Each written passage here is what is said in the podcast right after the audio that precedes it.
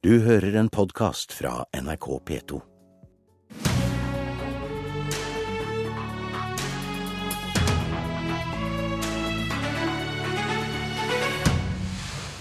Har venstrepolitikeren Raja forlatt liberalismen?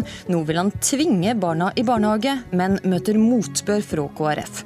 Og om tre timer presenterer Frp hvordan de skal innfri sitt viktigste valgløfte til velgerne. Klokka 11 i dag lanserer samferdselsministeren, Høyre og Frp og eh, KrF og Venstre sitt nye veiselskap og forslag til hvordan de skal redusere bompengene.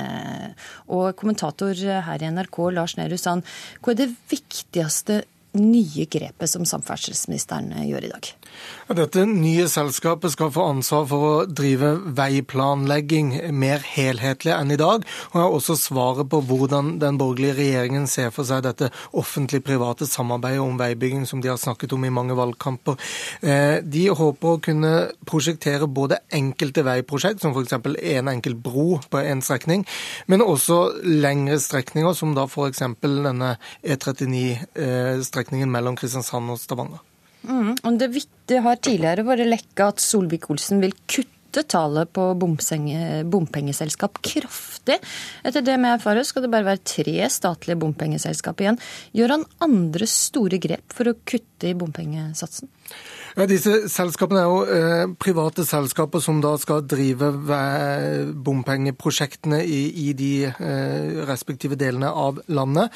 Eh, ved å redusere antallet selskap fra dagens rundt opp, til, opp mot 80 til eh, da 3, så håper han at det i seg selv vil gi mindre administrative kostnader. Eh, staten vil stille opp med penger for rentekompensasjon, slik at det blir mindre driftsutgifter for eh, bompengeselskapene.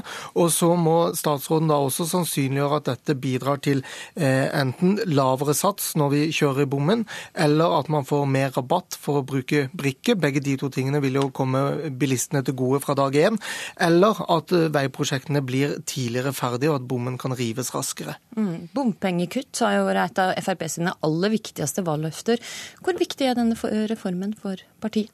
Ja, selv om det fortsatt vil være bomstasjoner på norske veier med Frp i regjering, så er dette det viktigste enkeltprosjektet til velgerne før valget fra Frp. Med elendige meningsmålinger så er dette også veldig viktig for eh, både regjeringen som helhet, men selvfølgelig aller mest for Frp. Dette har et tydelig Frp-stempel i hvordan man gjør dette, selv om alle fire partier på borgerlig side står sammen om det. Takk, Lars Nehru Sand. Pressekonferansen der alle detaljer blir streama på NRK klokka 11. Venstrepolitikeren Abid Raja har snudd. I helga under Venstre sitt landsmøte sto han fram i VG som tilhenger av obligatorisk barnehage for alle femåringer. Og Raja, hva vil du oppnå med å tvinge barn i barnehage? Jeg vil bare først korrigere. altså Jeg har ikke snudd. Jeg skrev faktisk om dette allerede i 2008 i min første bok 'Talsmann', at jeg var tilhenger av, eller helte i retning av obligatorisk barnehage, fordi de, med de gode fordelene det har. Jeg tror alle eh, som har barn i barnehagen, eller har hatt barn i barnehagen, vet hvilke fordeler, enorme fordeler det har for de barna som går der. Språkutvikling, sosial læring, den kulturelle kompetansen de får med seg som en eh, viktig, eh, viktige verdier og, og viktig kunnskap kunnskaper inn i skolen. Og Jeg ønsker å gi dette til eh, veldig mange flere. Vi vet i dag at det er en del forskjeller på de som eh, bruker barnehage og ikke bruker barnehage. Heldigvis er andelen veldig høy av de som bruker barnehage. Så er det en del klasseskiller. Det er veldig mange med, eller flere med eh, lavere inntekt som faller utenfor. Og så er det en stor gruppe fra det nye Norge, eller Minoritets-Norge, som kanskje trenger barnehage mest, særlig med tanke på språkutvikling, som også er blant de gruppene som bruker det minst. Og det, det, disse du vil nå med å tvinge alle inn i barnehagen? Ja, altså Man kan gjerne si at det med å bruke ordet tvang kan være satt på spissen. I dag har vi jo heller ikke, vi har jo ikke skoleplikt, eh, slik eh, at det er ikke noe tvang å gå i skolen, men du har opplæringsplikt. og Tilsvarende kunne man sett for seg at man, eh, man lagde noen regler om at man har en opplæringsplikt av barn før de starter på skolen, slik at de er operative på fellesskapsspråket, altså norsken. Og I dag tester vi jo de i, på helsestasjonene, og her kunne man lagt inn mye mer, eh, mye mer, innsats for å forsikre oss om at barn som starter på norsk skole første skoledag, kan fellesskapsspråket. Eller så vil de ikke evne å følge med på undervisningen. og Da faller de også ut, og da øker forskjellene i skolen. Olaug Bollestad, påtroppende nestleder i KrF. Du er skeptisk til å tvinge barn i barnehagen. Hvorfor? Eh, først har jeg lyst til å si at 96,5 av alle 3-5-åringene går allerede i barnehage. Og Så deler KrF bekymringen for den 3,5% som ikke går, og ikke minst de som faller utenfor. Men KrF tror at det er andre virkemiddel å gjøre enn å bryte inn i foreldrene sin styringsrett over sine unger, til faktisk å nå de gruppene som Raja snakker om, det tror KrF er mulig. Å ha mye mer målretta tiltak. Eh, Men hva slags tiltak tenker du ja, på da? da? Ja, Da tenker jeg på gratis kjernetid. Utvidelse av gratis kjernetid. Bruke helsestasjonen mye bedre. Bruke åpen barnehage som en arena for at en faktisk foreldre sjøl kan se at her kan det være uh, muligheter for at ungen min lærer bedre norsk. Men samtidig så har jeg lyst til å si at KrF er også opptatt av at barnehagen er ikke en del av opplæringsløpet for skole.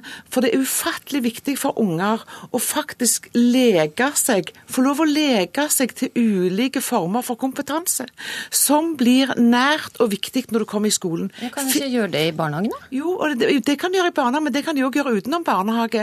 Altså, I Finland så er det sånn at det der, Nå er ikke det et mål for KrF, bare for å si det med en gang, men i Finland så er det færre enn i Norge som går i barnehage. De har, begynner senere i barnehage. De begynner senere i skolen, og de har mindre skoletimer. Men de yter bedre i skolen. Sånn at det er ikke et mål i seg selv å ha flest mulig under statens ordning. Nei, utfordringen er at vi må faktisk se den enkelte unge og finne muligheten til å løse det hos dem. Ok, Andre virkemiddel enn tvang, Rajak. Ja, Hvorfor ser du ikke på det? Jo da, vi må se på alle virkemidler. Her har Kristelig Folkeparti og Venstre tatt sammen om at vi har økt nå gratis kjernetid i barnehage for fire-femåringer, og det er skritt i riktig retning. Eh, om noen dager så er det en som disputerer på Psykologisk institutt med doktoravhandling avhandling om dette som viser at eh, språk, språkkunnskapen i bunn fra tidligst mulig alder, eh, hvilken stor effekt det har for læring og læringsutbytte på skolen. Og det vi vet er at eh, ca. 20% litt over 20% av minoritetselevene, eller minoritetsbarna, går ikke i barnehage. Og det er nettopp den gruppen som kan norsk minst når de starter på skolen. Og her øker dessverre forskjellene. Men jeg har respekt for at det er, det er individuelle forskjeller. Og det er klart, selv om vi i dag har opplæringsplikt og ikke skoleplikt, så ser vi, hvis du ser på f.eks. For foreldrenes inntekt, så vet vi to skoler i Oslo, bruke det som et eksempel, som ligger helt inntil hverandre. Tøyen og Val skole, hvor Tøyen har gratis SFO, hvor 100% av førsteklassingene bruker da SFO fordi det er gratis. Man kan gjerne si at det er fordi det er gratis, mens på den andre skolen så er det kun 43% som bruker av førsteklassingene som bruker da SFO fordi det koster penger. Men det er jo et argument for gratis ja, ja, SFO jo, og gratis også, barnehage? Ja, altså hvis du først skulle se for deg at eh, man eh, man introduserte noe som lå i nærheten av obligatorisk barnehage, så ville det også vært eh, så ville det måtte være en kostnad vi måtte ta over fellesskapet. Men jeg mener at hvis vi språktester fire-femåringer på helsestasjonene, og de ikke har god nok norskkunnskaper, og eventuelt også viser at vil ha godt av å gå i barnehage, utover de språkmessige sidene, så bør samfunnet vurdere eh, å sette inn eh, ekstra innsats her. Og det er her jeg tenker at eh, den obligatoriske ordet slår inn. Og så, den høres illiberalt ut. Men Raja, Betyr det at du ikke vil tvinge hvite middelklassepersoner til å ha sine barn i barnehagen? Jo, dessverre er det også uh, veldig mange ressurssvake familier fra, fra for, altså, fra etnisk norske hjem som ikke bruker barnehage, og det er veldig mange etnisk norske barn som faller utenfor dette systemet. og Også for de blir forskjellene veldig store.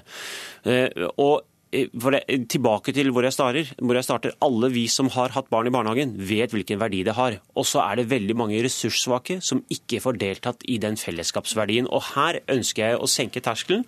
Det å ha gratis kjernetid for fire-femåringer det er skritt i riktig retning.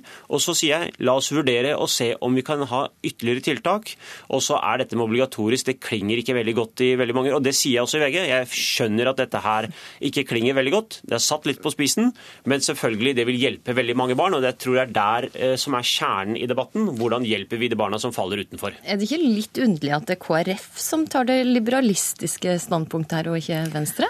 Ja, det kan du si, at det, at det er de som blir obligatoriske, og ikke oss. Eh, men for KrF sin del så, så, har jeg lyst til å understreke at det er kjempesentralt å nå disse ungene. Men vi tror at det kan vi gjøre gjennom andre tiltak. Og jeg tror òg at hvis en helsesøster Jeg har selv jobba i helsevesenet. Hvis en helsesøster oppdager at en unge er dårlig i språk, så er de plikta til å faktisk gi tiltak. Og hvis vi som politikere da kan gi gratis til de som ikke har råd, for ingen unger skal, skal la være å gå i barnehage fordi foreldrene ikke har råd. Da må jeg si takk for debatten. Olaug Vollestad, du fikk siste ord. Takk for at du kom også, Abid Raja. For nå skal vi snakke om det politiske spelet her i Politisk kvarter. I dag kommer tidligere valgkampstrateg i Arbeiderpartiet Tarjei Skirbekk ut med boka som har fått tittelen 'Hvordan vinne valg'. Og For å begynne med tittelen, Skirbekk, hva er svaret på spørsmålet du stiller? Litt sånn overordnet kan man si at det gjelder å finne det riktige budskapet, utvikle den gode strategien, eh, være bevisst på hvilke velgergrupper man skal nå og ha taktikk som, eh, som følger det. Men det er klart det finnes ingen formel, det finnes ingen manual for å vinne valg. Hvert men parti er, forskjellig. Er det litt av det du prøver å gjøre med jo, denne boka? Jo, Men det jeg prøver å si at Det finnes ingen manual eller formel for å vinne valg, men det finnes noen retningslinjer for hva man kan gjøre for å øke sannsynligheten for å vinne valg. Og det er det jeg prøver å beskrive i boken. Mm. I boka så skriver du side opp og side ned om hvor viktig det er med taktikk og strategi. Og du tegner et ikke altfor eh, imponerende bilde av norske parti. Hva er det de gjør feil? Jeg tror veldig mange partier og veldig mange politikere blir fanget litt av dette taktiske hjulet som går hele tiden. De blir preget av deg og deres altså journalister som hele tiden skal svare på forskjellige ting, hendelser som skjer, ting de må svare på. Det gjør at de, de mister litt blikket for de lange linjene, hva de faktisk eh, skal gjøre.